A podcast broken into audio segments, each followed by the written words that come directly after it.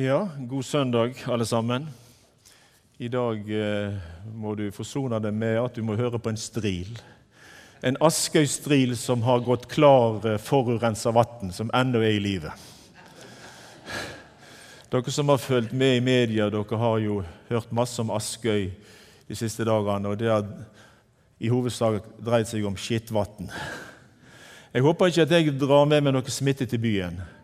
Det er i hvert fall ikke et ønske. Det har vært ei spesiell tid på Askøy, det må en få lov å si. og Jeg misunner ikke de som har stått midt oppi dette caset med eh, ødelagt vann. Ellers så tenkte jeg på i dag, det er den 23. juni, ikke det er sånn båldag? I eh, 1977 skulle vi feire Sankthans. Eh, Jonsok, som noen sier. Midtsommerfest på Repperfjord ungdomssenter i Vest-Finnmark. Vi var noen ungdommer som hadde stelt i stand bål, og det var kommet grønne løv på trærne. Og når 23. juni kom, så snødde bålet ned. og trærne de hang med svære eh, snøputer, og, og greinene knakk. Og Det ble skikkelig nedtur for oss eh, vestlendinger som var i Finnmark akkurat den dagen. Det ble en deppedag. Vi som var vant med i hvert fall litt mer temperatur og ikke snø. Året etterpå, bare for å forklare kontrastene, året etterpå, i 1978, da var det tropenatt. Da holdt vi på til å ikke få puste pga. varme midt på natta. Så sånn kunne det skifte faktisk òg i de tider, sånn som det òg gjør i dag. Ehm, for å lov å drive litt reklame Jeg, jeg, jeg hører jo det at det er møtetørke i Betlehem nå en periode.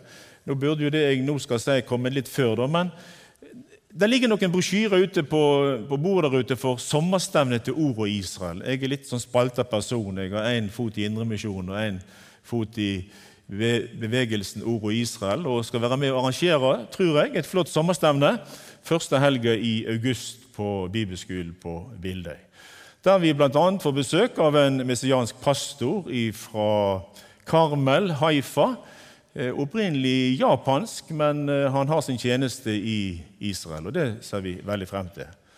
Å møte han sammen med mange andre som har eh, gjort en tjeneste og gjør en tjeneste for land og folk i Israel. Det er av og til jeg tar meg en runde i i bokhyllene mine. Jeg har opptil flere. Og Av og til så detter øynene mine ned på bøker som jeg leste tidlig på 70-tallet og 80-tallet. Og I dag så er litt av det jeg skal si, relatert til ei bok som fikk veldig mye negativ kritikk på begynnelsen av 70-tallet. Så det, det, det, er nesten litt skummelt å si hva bok det gjelder, men jeg, jeg, jeg gjør det likevel. Og når jeg dro denne boka ut igjen her for noen år siden og, og så på denne boka, så ble jeg litt overgitt over den anbefalingen den boka hadde fått, nemlig av Emanuel Minos. Og da tenkte jeg, Det tror ikke jeg var så veldig observant på når jeg leste denne boka i 3-4-5 og 70. Og Nå skal jeg ta den boka fram. Kanskje det er noen av dere som sitter her, som leste den boka. og Eh, temaet mitt i dag er takksigelse, lovprisning og tilbedelse. Og Da ringer det gjerne ei bjelle hos noen. Eh, Guds makt ved lovsang. Er det noen av dere som har sett denne boka? Ingen? Er det bare meg? det sier litt om meg. Leser ting som ingen andre leser. Jeg tipper dere har glemt litt, for denne her boka fikk, fikk, veldig mye peis. Og jeg kan ikke si at jeg står inne for alt som står i den boka, men den satte et fokus på den bibelske undervisningen og forklaringen på betydningen av å takke og lovprise og tilbe. Og Nå har jo noen av oss prøvd å oppdra barn, og noen av oss driver nå på å oppdra barnebarn. Og det å lære å takke, det sitter forferdelig langt inne. Takke for maten, takke for oppmerksomhet, takke for en presang osv. Det sitter ofte veldig veldig langt inne av en eller annen grunn å huske på og praktisere. Jeg tror det var I fjor sommer så hadde et av barnebarna spurt kan vi få lov å ha med NN eh, på båttur sammen med dere. Og Jeg visste ikke hvem denne gutten var. og Denne gutten kom i lag med våre to barnebarn denne dagen. Og Helt ifra første stund så merka jeg at denne gutten var veldig spesielt oppdratt. Han var utrolig oppdratt på å være observant og på å takke. Og Det ble nesten så det ble i meste laget når jeg skulle sammenligne han med mange av de andre som jeg har en relasjon til i hverdagen. Og ikke minst meg sjøl og mine egne.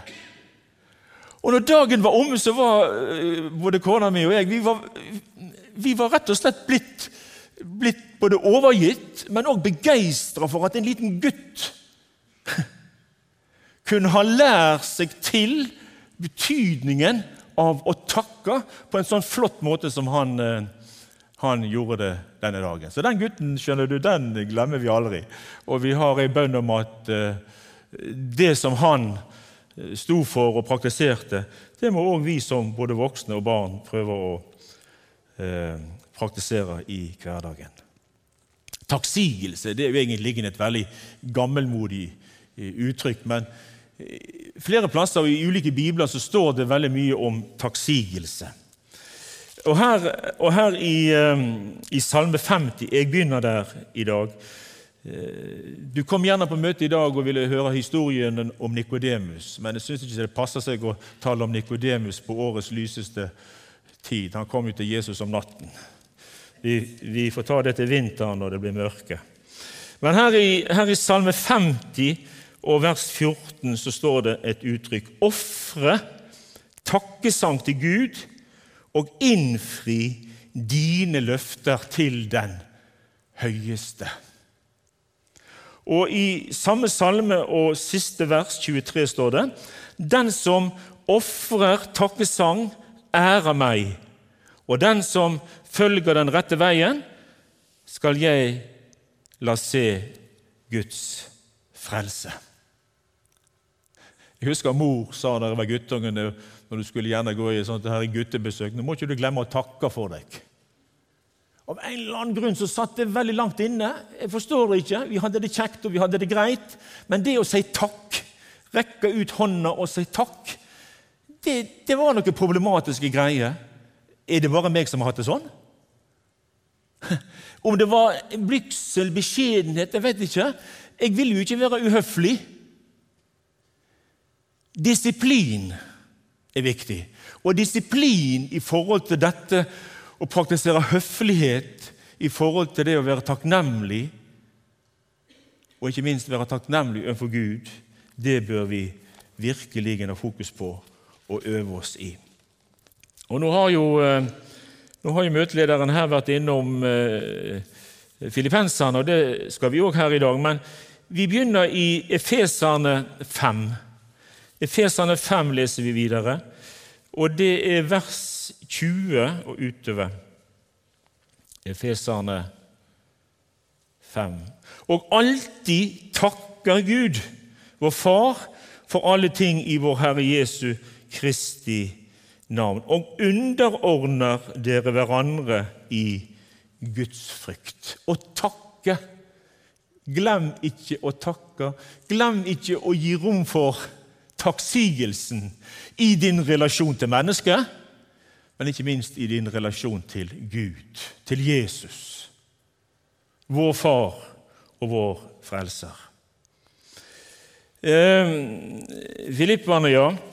Og det er jo dette her kapittel fire.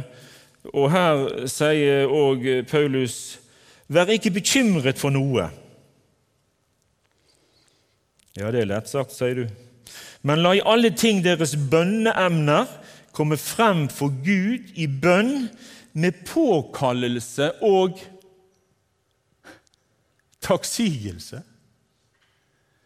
Altså Hvis, hvis, hvis takken uteblir, da blir det ofte lett syting.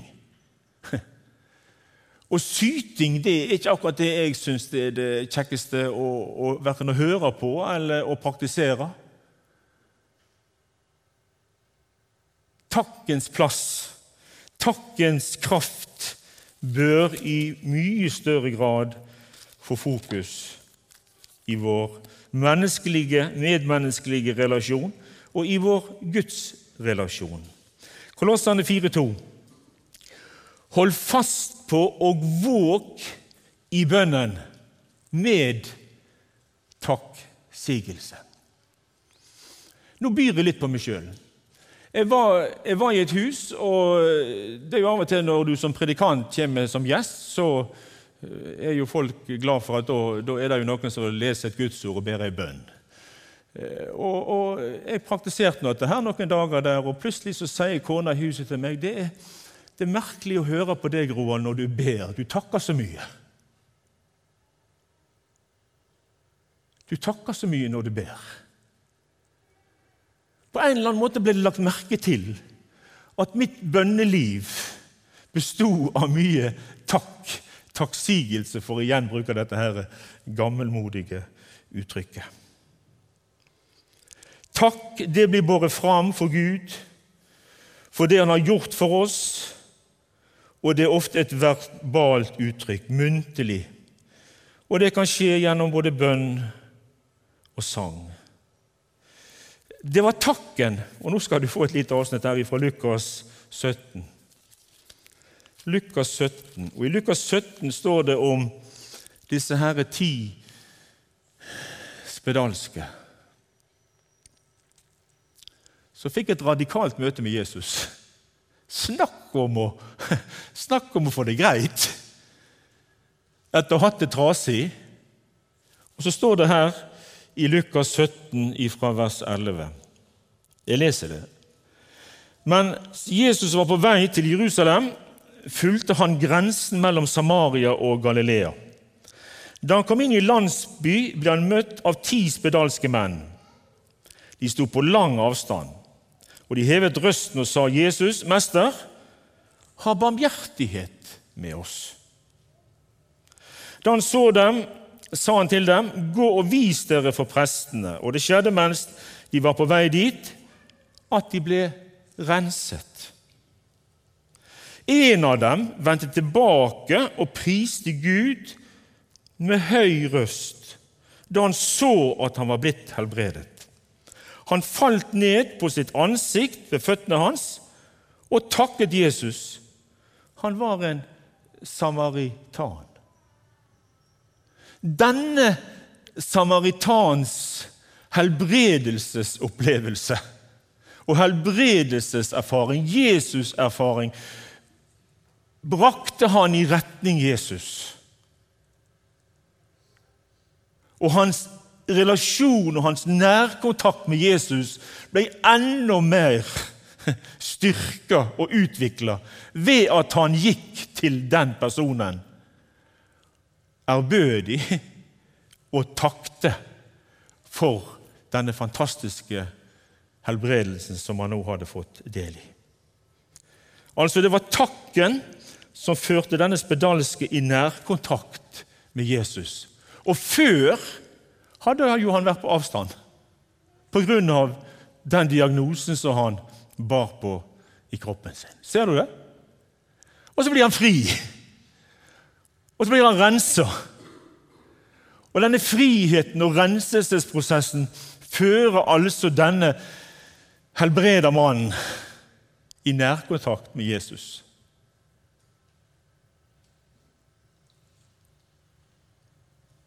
Så bygges der en ny og sterk relasjon mellom disse to. Takksigelsen altså baner vei både for den fysiske og den åndelige frelsesopplevelsen, og de fysiske og åndelige frelsesgoder. Det er et lite vers i Salme 118, vers 14, som jeg ofte synger. Kanskje midt ute i Hjeltefjorden. Herren er min styrke og min lovsang. Herren er min styrke og min lovsang. Han ble meg til frelse. Han ble meg til frelse. Herren er min styrke og min lovsang. Kom igjen. Herren er min styrke og min lovsang. Herren er min styrke og min lovsang. Han ble meg til frelse. Han ble meg til frelse. Herren er min styrke og min lovsang.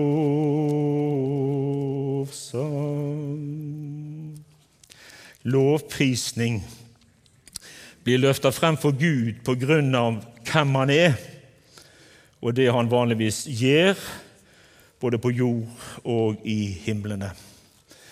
Hebreabrevet kapittel 13 og vers 15 har jeg lyst å lese.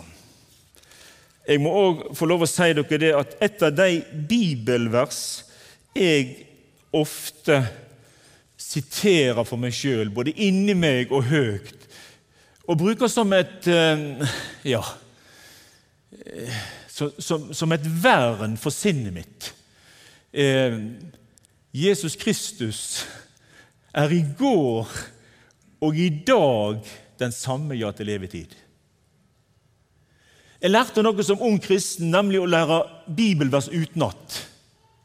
Og brukte dem som en slags bekjennelse, og brukte dem som eh, som et vern for sinnet mitt, for tankene mine.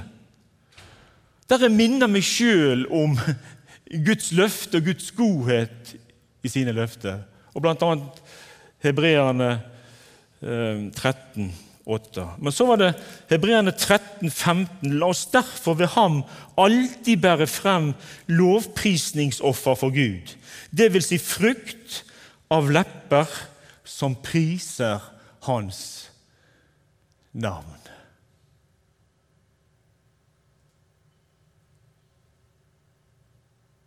Det er så mange navn som blir prisa i dag.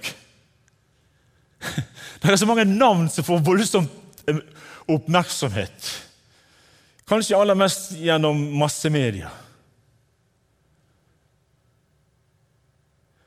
Jeg savner så ofte at òg noen i massemedia står frem og priser vår Gud. Abraham, og Isak og Jakobs Gud, vår Gud, priser Jesu navn. Ja, Til og med ikke andakten på NRK P1 klarer nå snart å servere oss en sang som inneholder Jesu navn og Jesu verk. Det er trist. Det er en trist utvikling. Og Hvordan kan vi snu denne utviklingen? Jo, du og jeg på vårt personlige vis kan være med og løfte frem Guds navn og Jesu navn ved vår lovprisning. Ikke bare når vi er her i forsamlingen, men òg ute iblant folk ellers. Salme 48, vers 2. Stor er Herren, og Han er verdig all pris. Hørte du det?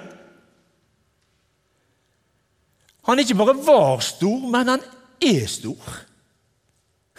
Og han er alltid verdig vår pris. Jeg tenker også på disse to karene som satt basta bundet i, i, fengselet, som du leser om her i, i Apostelens gjerninger 16, vers 25. Det var midnatt, det var mørke, det var trasighet. Og så synger de der lovsanger og lovprisning og sitter og takker Gud midt oppi forferdelige, dårlige omstendigheter. Utrolig. Alt Gud gjør, er stort. Gud er stor. Uansett vær. Uansett omstendigheter. Gud er stor. Våger du å tro det og tenke det? Muslimene i dag de er jo voldsomme på å proklamere at Allah er Gud og Allah er stor. Og vi troende, vi kristne, vi sitter der og er livredd. Vi snakker om Han der oppe og, ja, i, i beste fall eh, storefar. det, det, det er akkurat som det, det lammer seg både i stemmebånd og i, i hele vår personlighet når vi skal løfte frem Guds navn og Guds ære. Guds personlighet rommer bare storhet. Han er majesteten, folkens. Ikke bare var majesteten, men han er majesteten. Han er stor i visdom. Det er ingen som Gud, sier Salme 34. Han er stor i sin kreativitet i skaperverket, og større blir han når han skal gjenskape alle ting. Han er stor i sine frelseshandlinger, både med Israel og med menigheten. Han er stor og når han kalles for Jakobs Gud. Ofte når jeg taler om Jakob, så taler jeg om knarken. Gud hadde en relasjon til en knark, og han heter Jakob. Det er utrolig hvem Gud kan ha relasjoner til. Ofte personer som vi slett ikke tenker det kunne være mulig. Stor i sin måte å behandle oss på. Du kaster aldri bort tiden når du lovpriser Gud. Hørte du det? Det er av og til jeg møter kristne som sier de sang vel mye på det der møtet. Jeg klarer ikke det der en halv time med lovsang. Som om den situasjonen var en situasjon der folk kasta vekk tiden og misbrukte tiden på noe som ikke var verdt å bruke tiden på. Jeg har gjerne lyst til å si alt med måte og alt med vet. Det var jo en som hadde vært i en forsamling, og han sa jeg blir så sliten av å være i denne forsamlingen. sa han. For det var så, det var så høy musikk, og det var så ditt og det var så datt. Det, det, det, det kan nok forekomme. Men vær forsiktig i din kritikk av mennesker som gjerne kom et steg lenger i forståelsen av betydningen av lovprisning. Hørte du hva jeg sa? Vær varsom. Det er visstnok som heter Vær varsom-plakaten. Og Vi trenger en sånn vær varsom-holdning i forhold til akkurat den biten her. Det er ikke sikkert at du og jeg til enhver tid er kommet like langt i forståelsen av betydningen av saker og ting i Guds ord. Men det kan være noen ved siden av meg som er kommet lenger. Og her må jeg uh, utvise raushet og forståelse. Takksigelse og lovprisning er òg god kristen åndelig oppførsel. Ja, det står til og med i Bibelen at det sømmer seg. Og hvis det står at det sømmer seg, folkens, da må det være noe med det. Og det er Guds ord, Bibelen, som sier det. Salme 33. Til slutt tilbedelse. Selv om alle disse tre henger sammen, som jeg nå har prøvd å være innom, så er det en vesensforskjell på takksigelse, lovprisning og ikke minst da tilbedelsen. Vi tenker ofte at tilbedelse det er et verbalt uttrykk, og jeg sier ikke at det ikke er i den gata. Men hvis du leser Bibelen, så ser du alle plasser det står om tilbedelse, og at det ofte er et fysisk uttrykk. En kroppsholdning. Er du med? Og Nå, nå sier jo òg Jesus i Johannes 4 at sanne tilbedere, rette tilbedere, er mennesker som tilber i ånd og sannhet. Altså ikke bare i ånd, men i ånd og sannhet. Det er Johannes 4. I Matteus Jeg tror vi må rett og slett blå opp Bibelen, så må vi lese litt. Jeg pleier av og til å si hvis intet annet nytter, les Bibelen. Eh, Matteus 2, vers 2.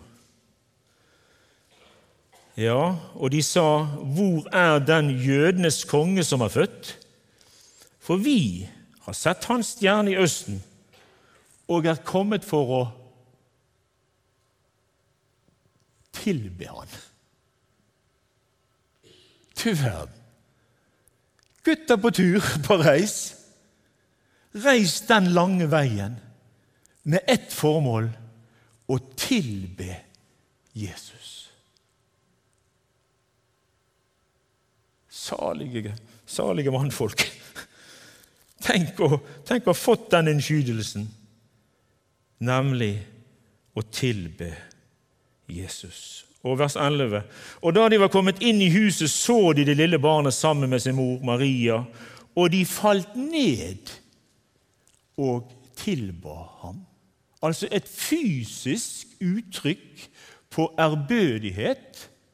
Denne mannen, dette barnet, fortjener at vi bøyer oss for ham.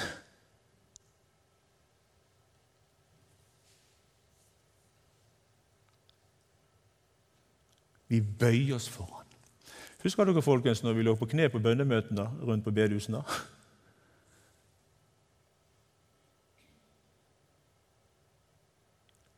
Hvorfor har det forsvunnet? For vi har så ilt i knærne. Jeg tror vi har mest ilt i hjertene våre og ilt i tankene våre med tanke på forståelsen av hva ydmykhet og tilbedelse er for noe. Å tilbe.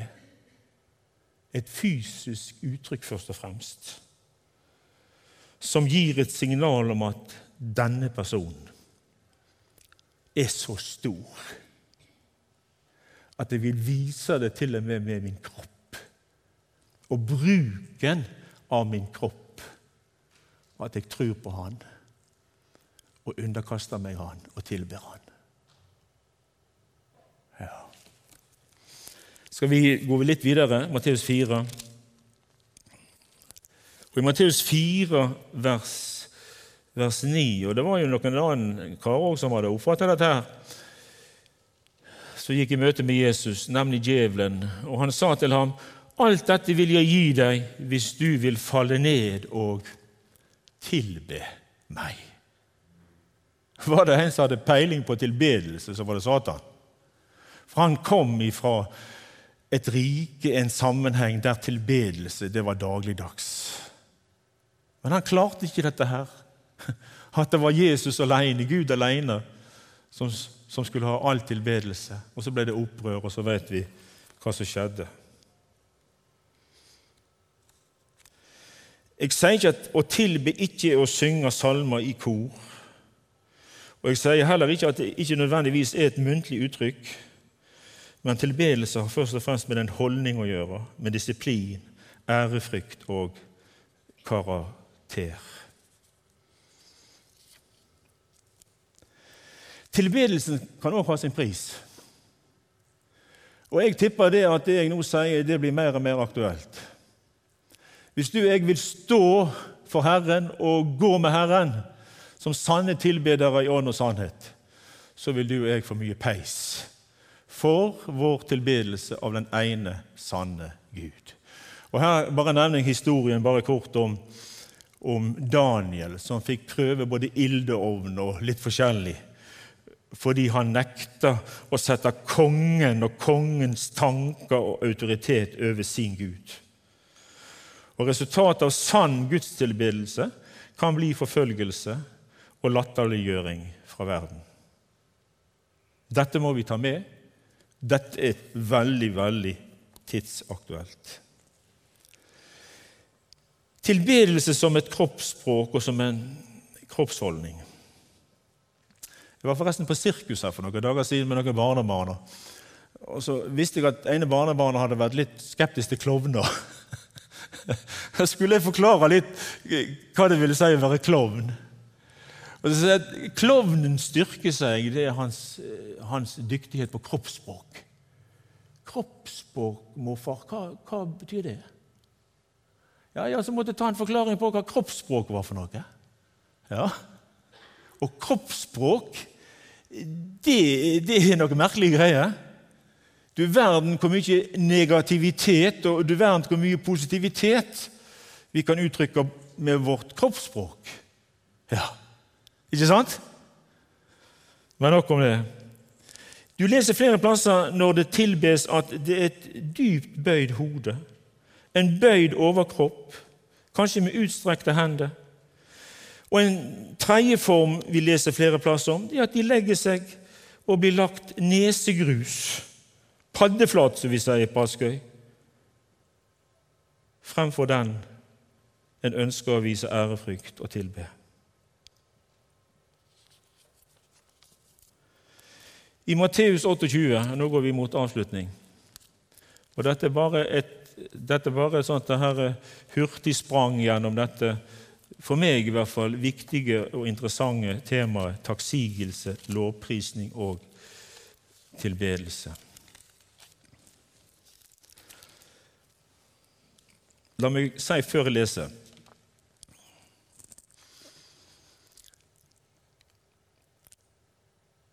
Du leser aldri og Jeg er ganske trygg på at ordet 'aldri' passer inn her. Du leser aldri at mennesket ligger på rygg og blotter seg på den måten i møte med den tre ganger hellige Gud.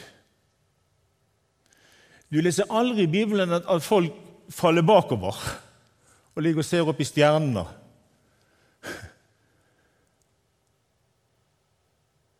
Eller ser på en predikant som går rundt og må godte seg for det ligger en masse med folk paddeflat og ser opp i skyene og er mer eller mindre bevisst på hva de er med på. Jeg møtte en messiansk jøde jeg tar det eksempelet her også. Jeg møtte en messiansk jøde nede i Jerusalem for noen år siden. og Hun sa det at du Evensen, du må være klar over det at det er en stor villfarelse i dag. Mange kristne tror det at det er, et, det er et tegn på åndelighet når de faller på rygg og faller bakover. Det er et hedensk tegn, sa hun. Og så beskrev hun dette veldig radikalt. Jeg reagerte nok litt på forhånd, men i etterkant så har jeg brukt litt tid og så har jeg grunna litt på hva vedkommende sa. Du leser alltid at de faller på sitt ansikt i ærefrykt. Ja. Bare les. Ja. På kne, men på sitt ansikt mot jord. Matteus 28 og vers 17. Da de så han, tilba de han, men noen tvilte. I Lukas kapittel 24 og vers 51 Det er himmelfarten, det er oljeberget. Plutselig så forsvinner denne mannen fysisk som de nå hadde hatt en nær relasjon til i tre år. Vekk! En sky skjuler han for øynene deres. Så står det mens han velsignet dem, skjedde det at han ble skilt fra dem og løftet opp til himmelen. Jeg tenker alltid på dette når jeg står på Oljeberget. Så ser jeg litt opp imot himmelen. Og så tenker jeg ja, ja, jeg vil jo ikke få se noe til hans avgang fra Oljeberget, men jeg vil lytte og jeg vil skue etter hans ankomst igjen til Oljeberget. Og så står det i vers 52. De falt ned, står det. De falt ned og tilba han og vendte tilbake med stor glede. Hvorfor denne gleden? De var nå under en konstant beskyttelse, de var under en konstant velsignelse. Seierherren ifra Golgata, han fortjente all deres takksigelse, lovprisning og tilbedelse. Ikke bare disiplene for 2000 år siden, men òg disipler av Jesus i dag. Vi er forplikta Det høres veldig lovisk ut, men Vi er forplikta til å gi Han all vår takk, all vår lovprisning og all vår tilbedelse. Og Samtidig tenker vi igjennom på at tilbedelse av den sanne Gud har alltid en pris.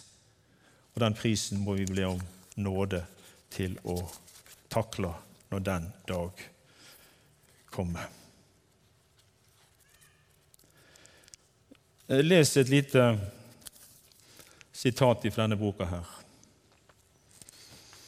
All oppriktig bønn åpner døren for Guds kraft i våre liv. Men takksigelsen utløser mer av denne kraft enn noen annen form for bønn. Bibelen gir eksempler som viser dette. Og du er dog hellig, du som troner over Israels lovsanger, leser vi i Salme 22, vers 4. Dette er et bevis på at Gud er oss nær når vi priser ham.